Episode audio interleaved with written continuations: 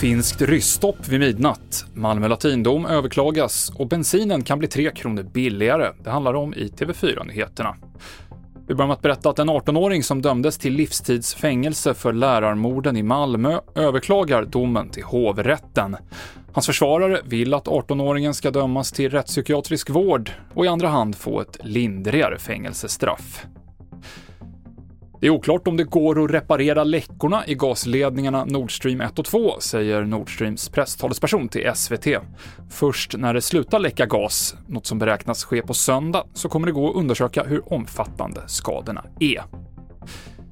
Från midnatt och framåt så ska i princip alla inresor med turistvisum från Ryssland till Finland stoppas. Antalet ryska medborgare som korsar gränsen har ökat kraftigt efter beskedet om mobilisering i Ryssland. Det man då har sagt här på, på presskonferensen det är ju att eh, det är en fara för Finlands eh, in, intressen och alltså underförstått säkerhet eh, då, att man vill inte ha in eh, ryska medborgare.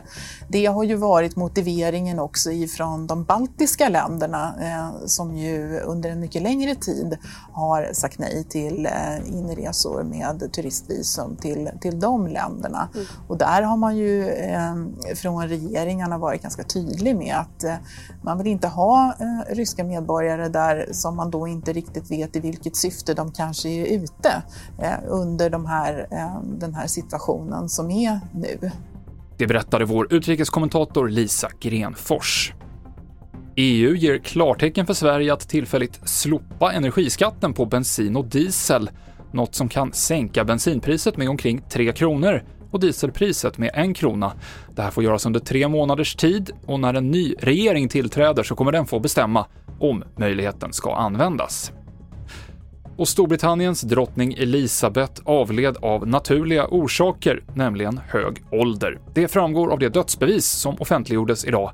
Det framgår också att drottningen dog klockan 15.10 torsdagen den 8 september, drygt tre timmar innan Buckingham Palace gick ut med dödsbeskedet.